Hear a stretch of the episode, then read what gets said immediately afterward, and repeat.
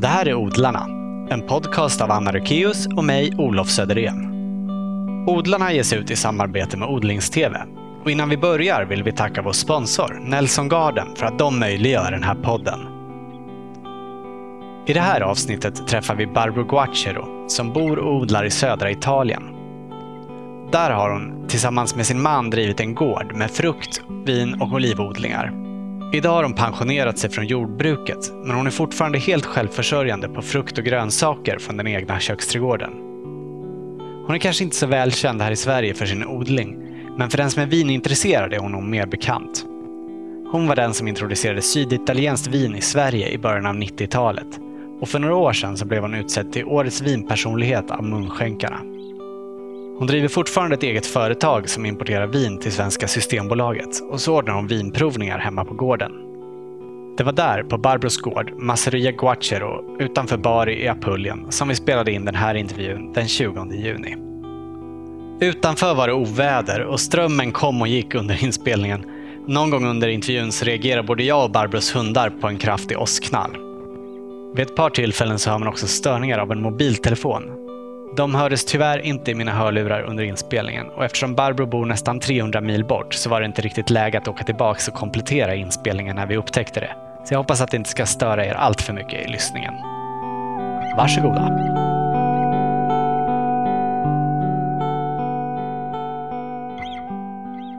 Vad betyder odling för dig?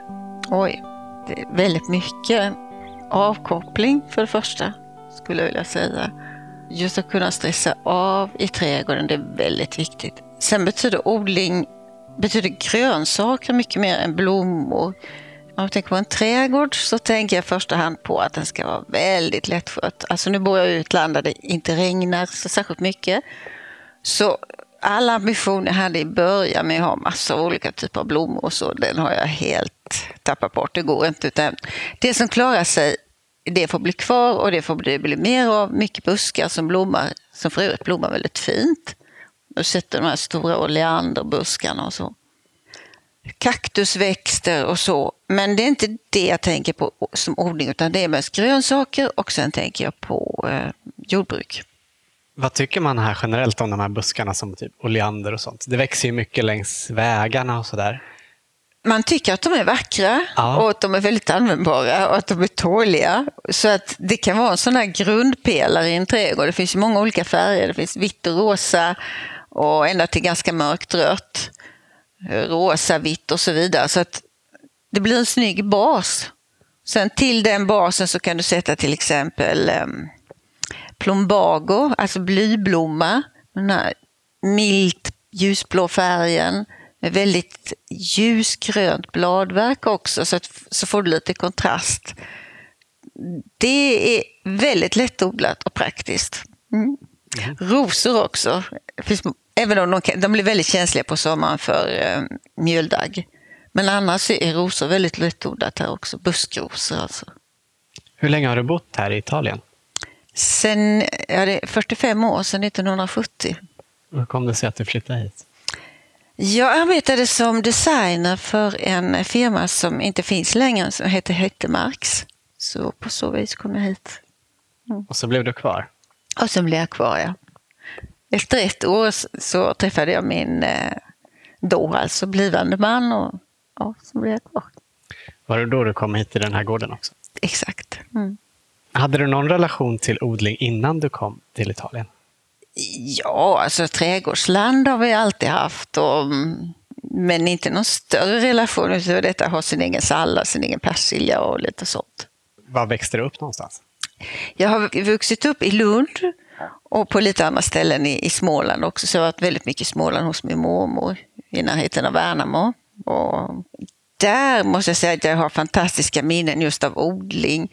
Hur, vilken, när jag tänker efter vilken bra mat vi fick på den tiden. Alltså tänk att gå över till bonden och ha med sig en hink för att köpa potatis. Så borde du gå ut och ta med sig grepen, gräva upp potatisen och du kommer hem med den. Eller till grannen som odlar jordgubbar, kommer med en litet mått. Hon går ut och plockar och du kommer hem med den. Alltså, så, mjölken direkt från bonden, äggen direkt från bonden. Sånt var fantastiskt. Vilken mat alltså. Ja. Färskt. Ja, närodlat. Mm. Ja. Var det mormor som höll på mest med odling när du växte Ja, upp? mormor hade, mormor hade sitt lilla trädgårdsland. Mm. Vad odlade hon? Ja, hon odlade sallad, dill, morötter, rödbetor, persilja, gräslök. Alltså så, ja, normala svenska grönsaker. Här på gården då? Dels har du ditt köksland, det ska vi Mm. återkomma lite till. Sen har du ju stora odlingar. Vad är det ni har odlat då? Tidigare så odlade vi eh, mycket vin. Och det var vin till, på italienska så skiljer man på vindruvor och bordsdruvor. Så det var vindruvor, druvor till vin. Och sen så hade vi eh, mycket mandel, körsbär, durumvete, pistagemandel, oliver förstås också. Hur stor är gården? 105 hektar. Och har ni haft förädling av de här produkterna också som ni har odlat? Om ni har gjort olja eller? Nej, det har vi gjort via kooperativ. Det egna vinet, det gjorde jag. Det gjorde jag själv. För husbehov då? För husbehov, ja. Ja. Till vänner och, och, och åt oss. Och så. Blev det bra? Mm.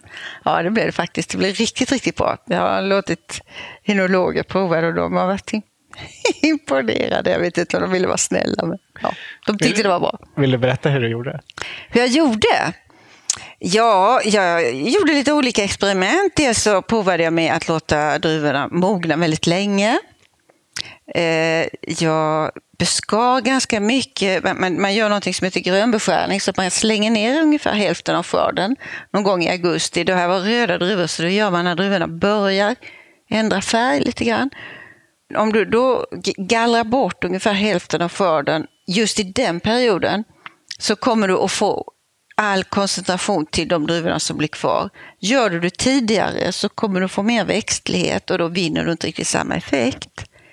Sen ja, så plockar man dem för, för hand och eh, krossar dem med, med maskin. Det finns enkla maskiner som man kan veva på för hand. Och sen hade jag använde jag lite olika gästsvampar och mm, jag skötte det, alltså det, det, det som är viktigt när man gör vin det är ju att det, är så, det, det måste vara rent som en operationssal där man arbetar med vin. Så varje gång som jag tryckte ner till exempel hatten, hatten det är det som bildas när det sätter igång och jäser. Så skjuts skaldelarna upp och de bildas som en hatt. Och den ska ner i vinet igen för det är ju i skaldelarna, där har du färgämnen och allt du vill ha ut i vinet. Va? Så det ska tryckas ner. Så den där mojängen som jag använde för att trycka ner det, den, den steriliserade varenda gång och höll på. Jag var jättenoga. Så det var vinmakeri på hög nivå i väldigt liten skala. Sen hade jag barrik, små ekfat som jag lät vinet ligga i i sex månader ungefär. Så på sin gästfällning, vilket var faktiskt ganska nytt på den tiden. Nu använder många det, men ehm, då var det inte så många som gjorde det när jag gjorde mina viner. Nej. Men det här var för, för eget Det var bara bruk. till oss, Men ja. Mm. eh, har ni haft skörd och sålt av druvor också? Eller? Oh ja, oh ja. Eh, Dels var vi medlemmar i ett kooperativ och sen så köpte vinproducenter i området våra druvor också. Det här ingår i eh, det området som heter Castel del Monte DOC. Så den största, eller den mest odlade druvan heter Uva di Troia eller Nero di Troia säger en del. Så den var det vi odlade mest. Vilket ju också är typiskt för Italien. Om du flyttar dig längre söderöver i Apulien så hittar du andra druvor. Ja. Du hittar eh, Negro Amaro, Primitivo, Susumaniello, Malvasia di Brindisi. Så just detta är det som är så typiskt för Italien, att du flyttar dig från en region, till och med en kommun till en annan. Så um, Det small det ordentligt. nu small det, ja. Så varierar druvorna enormt. Det finns faktiskt, tror man, runt tusen druvsorter i Italien. Man använder inte så många i, i kommersiell vinodling, men jag tror att man kommer att hitta tillbaka till fler och fler gamla druvsorter som har övergivits kanske för att de inte har varit så ekonomiskt lönande i vissa perioder. Men ni odlade den här ovade Troja. Och du skriver ju en del i den här boken som du har varit med och Mm. Om eh, just ursprunget till druvor. Vad är historien bakom just den? Ja, just det Troja vet man faktiskt inte. Alltså man, man kan gissa sig till att de flesta druvorna har eh, kommit via in, vad ska jag säga, eh, kolonisatörer från Grekland. De har alltså kommit österifrån in i eh, Italien. Så att man skulle kunna tro att det, kom, det kan vara ett resultat av frösådd av druvor från Grekland. Men det börjar komma nya teorier. Det här var teorier som har varit aktuella fram till nu. Då man har hittat på Sardinien eh, rester ifrån eh, druvor i en djup brunn. Man har hittat så pass mycket av det att man har kunnat analysera kärnorna och se att det rör sig om eh, Eh, vitis vinifera sativa, alltså den som man gör vin av. Och då är vi längre än 1000 år tillbaka i tiden. Jag kommer inte exakt ihåg, men det verkar alltså som om det kanske inte är helt så att vi har bara vad ska jag säga, kolonisatörer, handelsmän från Grekland och um, Kreta och så vidare att tacka för druvorna som vi trott hittills. Utan att de kanske rent av har framädlats här. Att de fanns innan att de, fanns de kom, innan. Mm. de här kolonisatörerna. Mm. Ni odlar oliver också. Mm.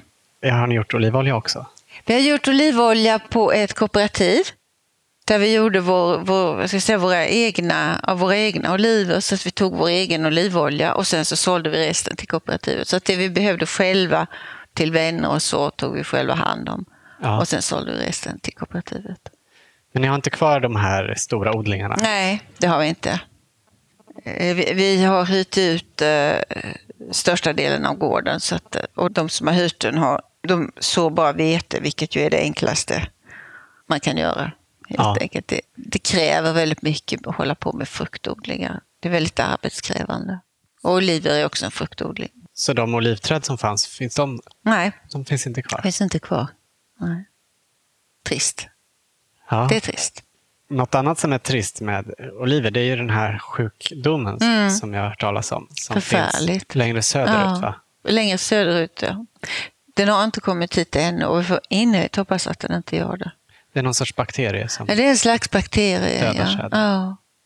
Det, det, det är ju en katastrof. Alltså, om ni tänker, dessa otroliga oliver som finns nere på klacken, själva Salentohalvön heter det. Där finns ju oliver med otroliga stammar, stora enorma träd som håller på att dö. Det, det är verkligen hemskt. Man har inte hittat något sätt att bekämpa det. Nej, det är ju också ett problem egentligen när man odlar väldigt mycket av någonting Mm. på liten yta. Sån monokultur. Som man ju nästan kan säga att det är när man odlar nästan bara oliver över väldigt stora Ja, ytor. fast om du tänker dig att det har man gjort i 2000-3000 år.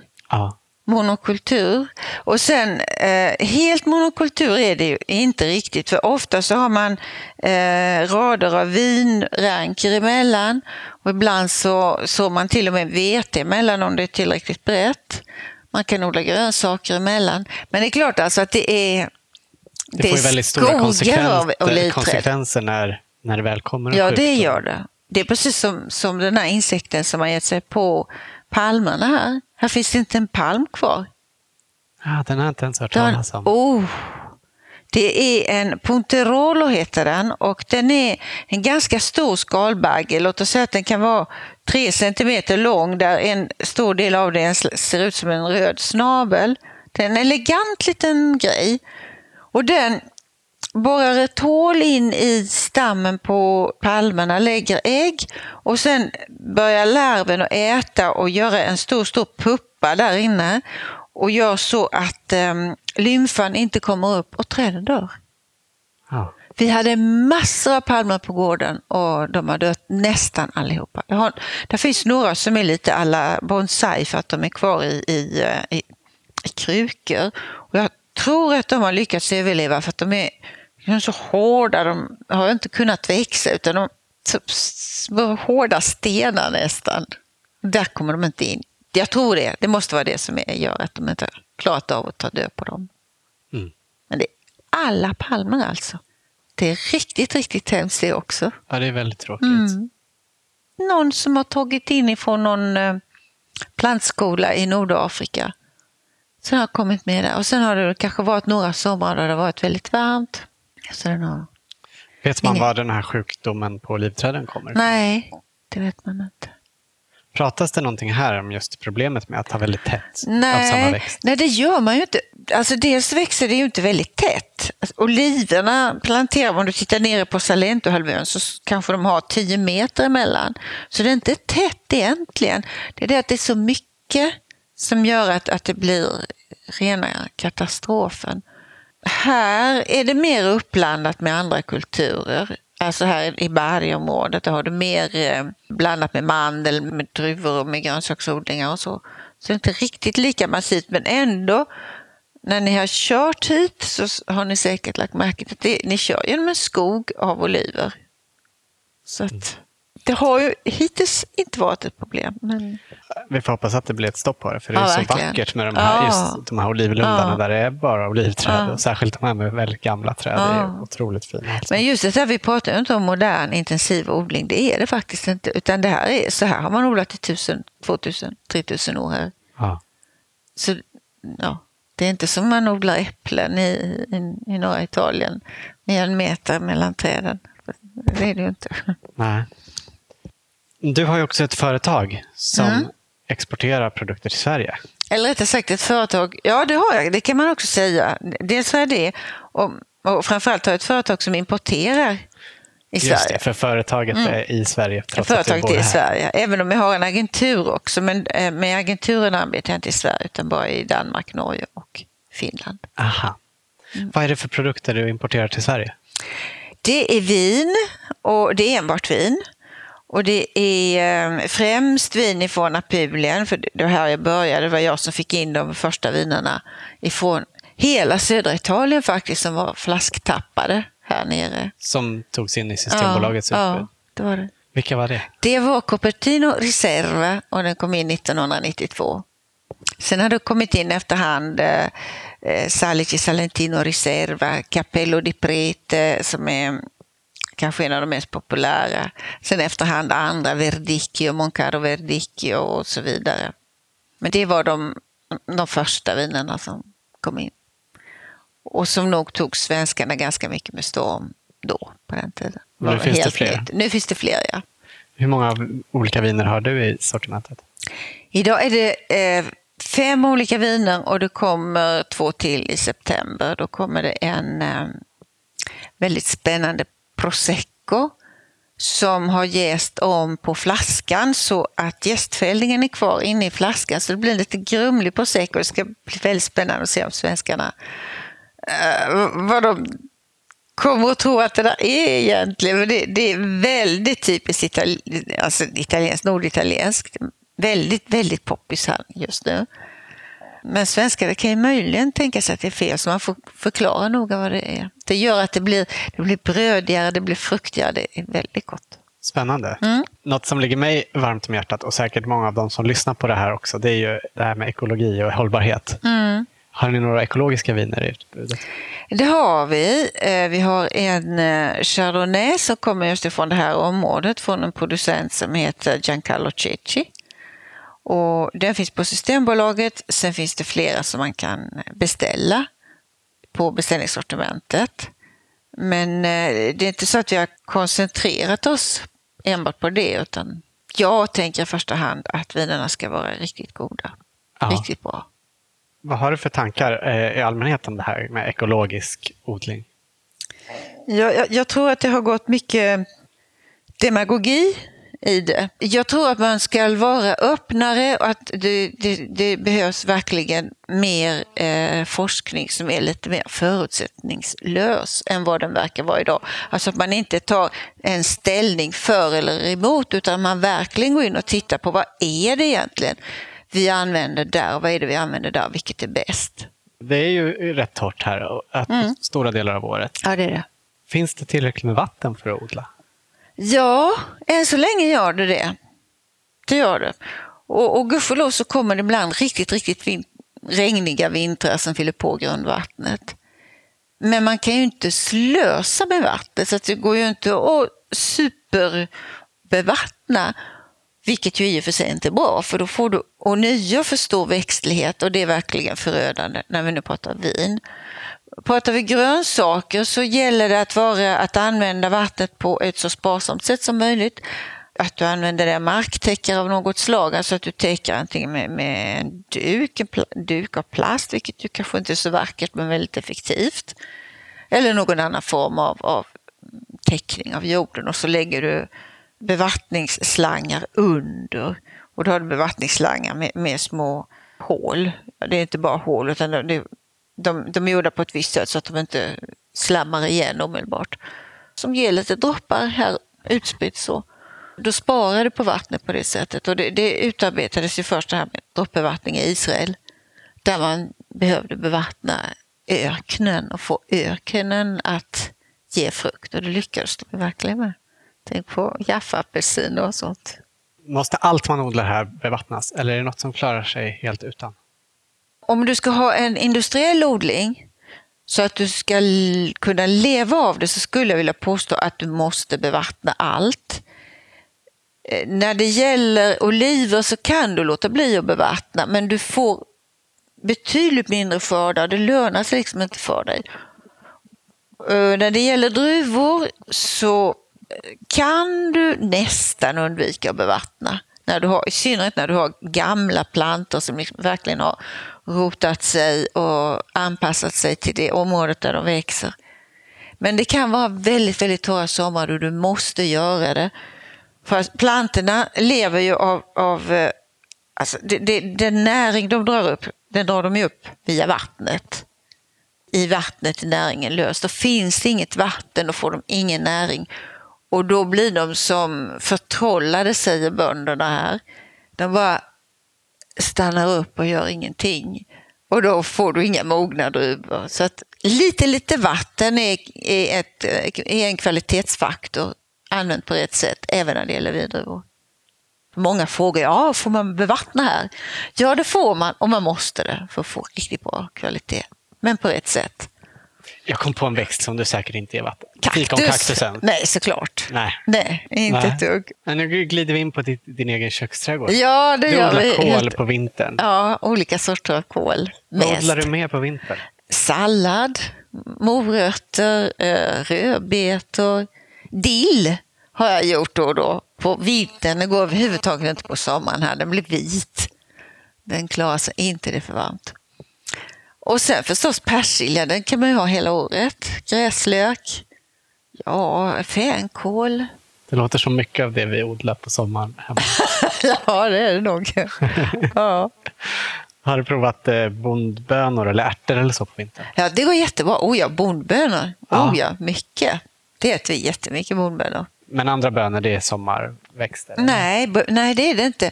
Kikärtor, bondbönor, ja, gröna bönor är sommarväxter. De växer nu.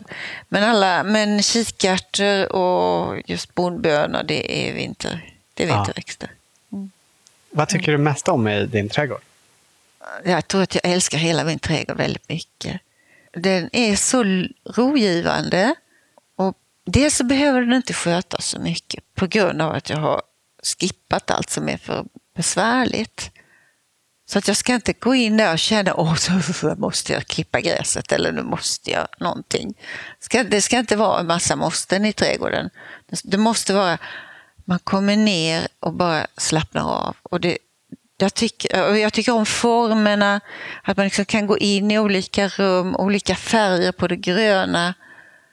Men, men, men ganska enkla baser ändå. Och sen tycker jag mycket om mina odlingslådor. Har du tänkt på att det ska vara enkelt just när du planerade trädgården? Eller har det mer trädgården formats efter hur Ja, den- du den har- är i den? Ja, den har blivit... Det, det fanns en bas, en basidé. En, det den har jag faktiskt ritat ganska detaljerat med buskar och så. Men sen hade jag lämnat stora områden som jag hade tänkt att jag skulle ha frösådda blommor, för jag vill ha mycket blommor. Men det blev så besvärligt med all bevattning och så det, det, fick, det fick försvinna.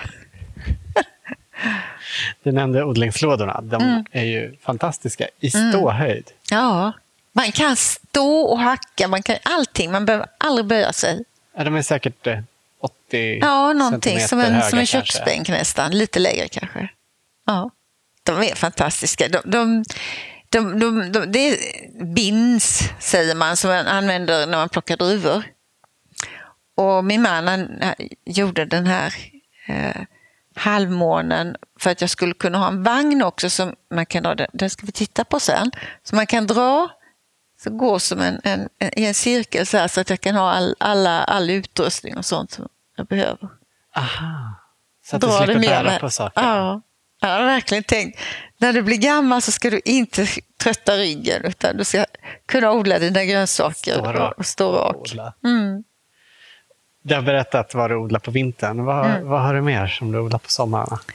Nu det som redan har börjat mogna, det är tomaterna. Nu har jag plockat de första. Zucchini är i full gång. Och sen snart så kommer eh, de första så här små gurkor, runda gurkor som vi har här som heter karoselli. Det finns två olika typer som jag har sått. De är ganska söta. Väldigt söta och väldigt goda. Ja. ja jättegoda. Jag har aldrig sett dem hemma faktiskt. Nej, I det är väl frukt, konstigt. Jag Förstår inte varför. De, de måste ju gå och transportera, tänker jag mig. Det är konstigt. Gurka kan ju vara lite besk och tråkig. Och sen har jag Mm. meloner, tomater som sagt, eh, olika typer av paprika, aubergine, sallad, eh, olika typer av sallad, chilipeppar förstås. Måste finnas också lite kryddväxter, basilika och persilja, gräslök, massor av timjan och eh, oregano. Såna, och det är en väldigt speciell oregano förresten som jag har, som jag fick en planta av en bonde som är granne till oss. Som har vita blommor och som har, det, det är en vild som de påstår inte går så. Och jag har sett att det man så får ju rosa blommor och får inte alls den här intensiva doften. Så en planta fick jag, nu har, nu har jag en hel sån här låda som är propp Härligt. Ja. Det låter ju som en dröm eh, att odla i det här klimatet. Mm. Är det det? Eller finns det några svårigheter med det? Vatten, alltså det, man måste vara, för, man kan inte åka bort. det är så bra hund. Så att... Eh, kan du inte åka bort alls under sommaren? Nej, alltså, dels litar jag ju aldrig på någon sig för hundarna eller, eller, eller för mina grönsaker. Men, men, nej, det är svårt. Men det vill jag inte heller. Så det är egentligen inget offer. Men du har smart system för bevattningen också? Ja, det har jag. Men det är inte det är manuellt. Alltså den är, det är en timer som jag sätter på så att det går en timme ungefär med, med och då är det droppbevattning. Mm, det är klart att jag skulle kunna programmera det, men tänk om den går sönder och det antingen inte bevattnar eller, eller vattnar för mycket. Det är ju inte så bra. Men det behöver vattnas varje dag i stort sett? Ja, när det är mycket varmt så måste man göra det. Sent på kvällen går jag och bevattnar. Täcker du jorden i de här lådorna mm. för att hålla vattnet kvar? Mm. Det gör jag, med lite vad som finns. Just nu så har vi rensat bort löv och så för att eh, alltså, den stora faran här är, är brandrisk också om det, när det blir torrt. Och om någon till exempel, fast ingen så röker längre, men om någon skulle slänga en fimp och så kan det ta fyr. Så därför så har jag rensat bort alla torra löv, eller inte alla, men mycket av det. Och så använder jag det just nu. Ibland så kan det vara det man klipper från gräsmattan eller rens och lite, ja. Räcker det med näringen som du får från de här löven och gräset och det, eller behöver du tillsätta näring Det har jag också? faktiskt aldrig gjort. Jag har aldrig tillsatt näring. Jag, jag, jag använt, på vintern så tänder jag ju brasa, så askan sprider jag ut där också. Men annars har jag faktiskt inte gjort det. Jag kan lägga på brännässlor när de kommer på våren, tidigt på våren. Eller ja, februari, januari, februari. Det är bra marktäckare också. Ja, det är mycket kväve i dem också. Ja, det är det. Det använder många hemma. Vi har nässelvatten av. Mm. Det är säkert också jättebra. Ja, men du behöver inte göra någonting sånt. Du bara nej, lägger det gör på jag det. inte. Nej. Finns det andra svårigheter som skadegörare och sådär?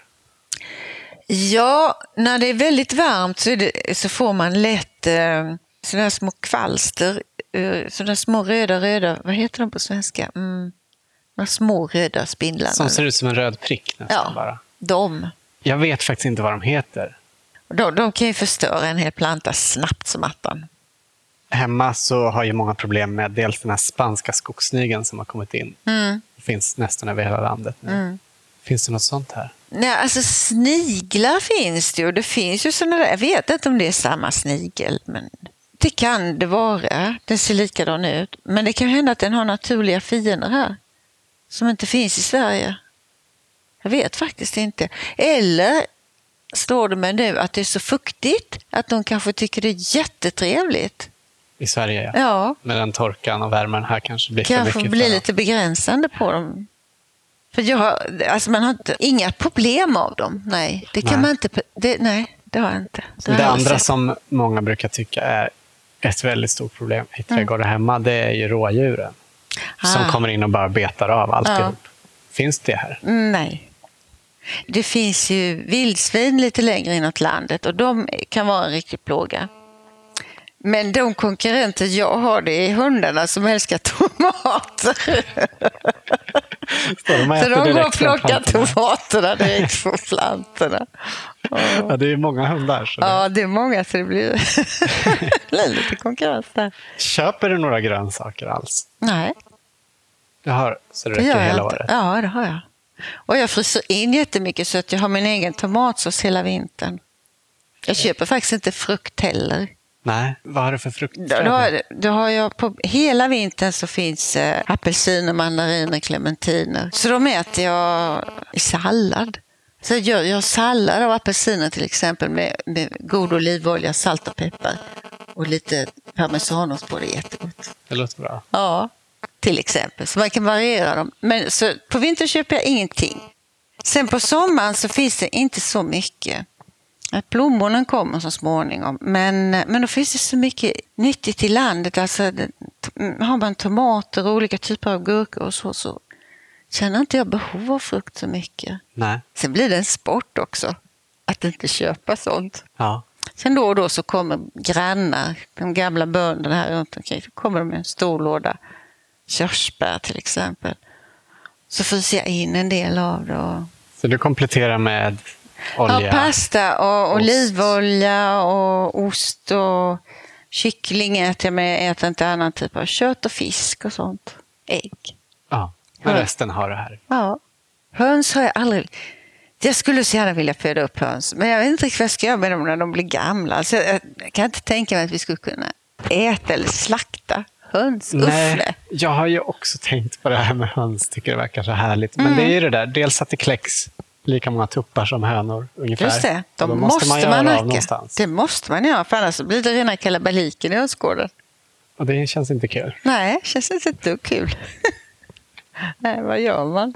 Ja, Nej, det är man får låta bli så länge. Gå och köpa, köpa en kyckling som har levt mycket sämre än de kycklingar som du sk- skulle kunna föda upp. Det, det är väldigt motsägande. Alltså det, det är inte riktigt vettigt egentligen om man tänker efter.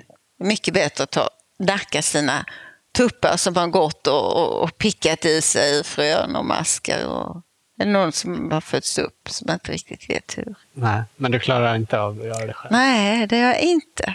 Nej. Och sen kommer de att få namn. Tänk, gå, ah, nu är det Ella som ligger här i buljongen. Usch, nej. Det känns svårt. ja. Hur har du tänkt med odlingen i de här lådorna? då? Har Mm. du någon typ av växelbruk där? Eller odlar du samma i samma låda? Nej, nej det, det är växelbruk. De, de, de är numrerade så att jag skriver upp eh, vad jag har de olika numren av lådor. Och så där. hoppar du runt år Och så hoppar jag runt där. Vad har du problem för ogräs?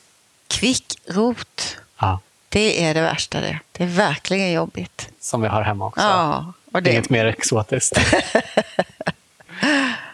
Skulle det funka att ha en låda åt gången oanvänd och täcka den med svart plast till exempel i säg två, tre år för att liksom döda av allting där. Och sen börja i den lådan på nytt.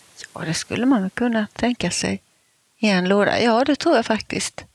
Ja. Egentligen har jag för mycket tomater till exempel.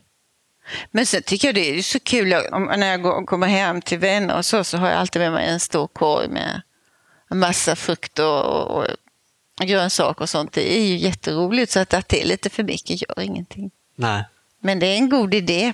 Det är en god idé. Om du får säga en gröda som är din absoluta favorit, vilken skulle det vara? Mm. Apelsiner. Det är det bästa. Ja. Det är tråkigt att vi inte kan ha det hemma. Alltså. ja, det går ju inte. Om du får välja av sånt som du tror kan funka i Sverige också. Har du någon Mhm. favorit då? Tomater. Ja olika typer av tomater som man kan dra upp först i, i ett bra solbelyst fönster och sen kanske ha täckt ute fram så att de kommer lite tidigare så man verkligen får dem mogna. Det finns ju många tomater. Min mamma odlade, hon hade ett litet växthus också. Eh, hon bodde ett tag ute på landet i närheten av Trelleborg. Och där hade hon gjort ett växthus där hon hade massor av olika typer av tomater. Och jag märkte att någon, eh, såna gula tomater gick väldigt, väldigt bra. Och hon hade också paprika och ja, det var väl de två sakerna hon hade inne i växthuset. Det gick jättebra. Men det var i Skåne. Jag vet inte riktigt hur det går med tomater. I, liten, I växthus tror jag att det kan gå ganska bra. Många som odlar på friland har väldigt mycket problem med eh, bladmögel. Det kan jag tänka mig, ja. Har du det här också? Det har jag faktiskt. Det är en sån gröda som är väldigt känslig för bladmögel. Ungefär mm. som potatis också. Odlar du potatis? Det har jag gjort några gånger. Men um, jorden här är lite för kompakt och lite för kalkhaltig för att det ska bli riktigt bra. Då, då borde jag göra några lådor med lite mer sand och så. Vilket ju inte vore så dumt för mina morötter och rödbetor heller för övrigt. De får så lustiga former ibland av den här jorden. Ja. Mm. Och vad gör du helst med eh, tomaterna? Allt möjligt, allt möjligt. Tomatsås förstås, alltså det här är ju pastalandet nummer ett. Så tomatsås till, till focaccia, i sallader, ugnsgratinerade på olika sätt, fyllda med ris i ugnen, massa olika användningsområden. Och så fryser jag in. Efterhand som jag har, när jag får mycket mogna tomater så purerar jag och fryser in så att jag har tomatsås hela vintern i frysen. Istället för såna här krossade på burk? Som ja, ja det köper jag inte. Du sa tidigare att det aldrig skulle kännas stressigt eller som ett mm. dåligt samvete, mm. trädgården. Mm. Funkar det, eller gör det det ibland ändå? Mm. Det kan ibland kännas stressigt om, om jag ser att det är, att det är, på gång en attack av de där små röda kvalstrarna och, och samtidigt bladmögel. Alltså då, då kan det vara lite så att nu, nu, nu har jag inte varit ute i tid. Jag, jag, jag lider med plantorna och ser dem. De har det jobbigt. Tar du vara på saker från naturen också eller använder du mest det som du har odlat själv? Jag använder mest det jag odlar själv men jag plockar mycket vilda örter också.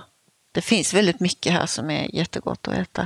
Det finns olika typer av eh, cikoria, och det finns en del eh, fibblor, tror jag det är, som man äter.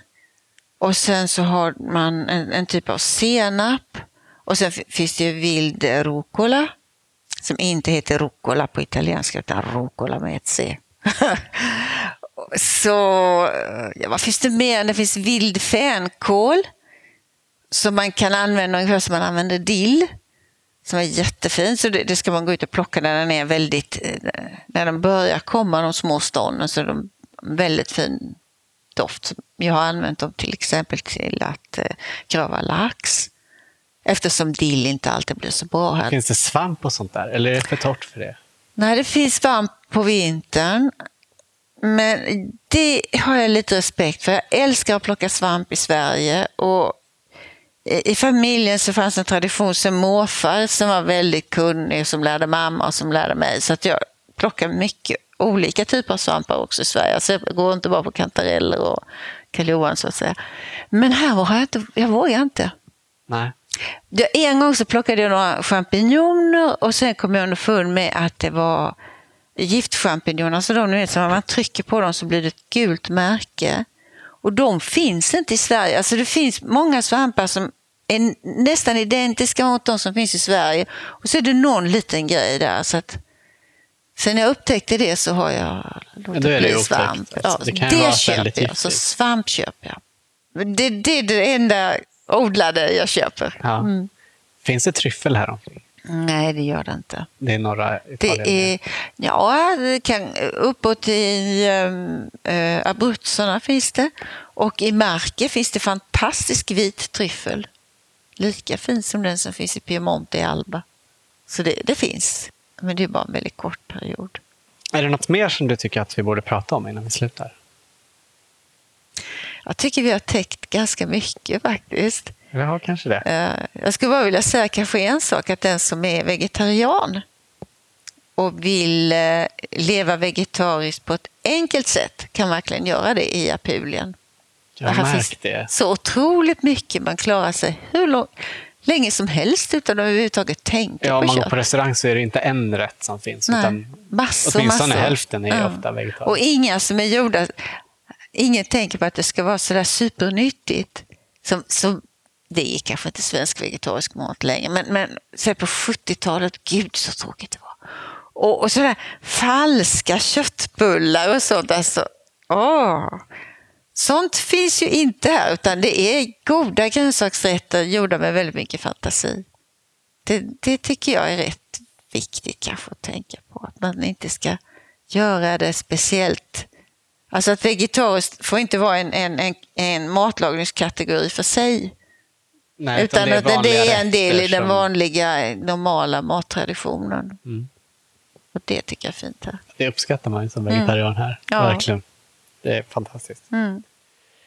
Till slut då, ditt bästa odlingstips?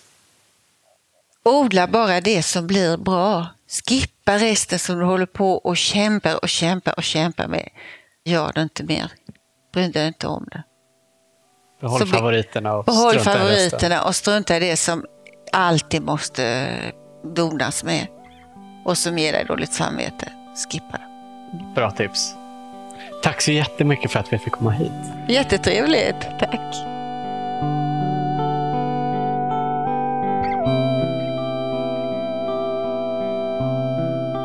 Du har just hört Barbro Guacero intervjuas i Odlarna. Om du också skulle vilja besöka Barbro så hyr hon faktiskt ut ett hus på gården. Det kan du läsa om på hemsidan för hennes företag som heter selezionebarbroguacero.se. Där kan du förstås också läsa om de viner hon importerar till Sverige. Boken vi nämnde i intervjun har Barbro skrivit ihop med Katarina Hjort av Ornäs och den heter Det okända Syditalien, en resa bland landskap, vingårdar och kök. Nästa avsnitt av Odlarna kommer två veckor efter det här, alltså den 18 september. I väntan på det är du välkommen att kolla in Odlarna på Facebook. Där finns det en massa bilder från alla vi har intervjuat. Du kan också få uppdateringar från oss på Twitter. Där heter vi Odlarna Podcast som ett ord. Tack för att du har lyssnat och stort tack igen till vår sponsor Nelson Garden som möjliggör den här podden. Redaktör var Anna Rykeus. Jag heter Olof Söderén. Vill du följa oss och vår odling så kan du göra det på spenatistan.blogspot.se. Och vill du komma i kontakt med oss så mejla till odlarna.podcast@gmail.com. Ha det fint! Hej då!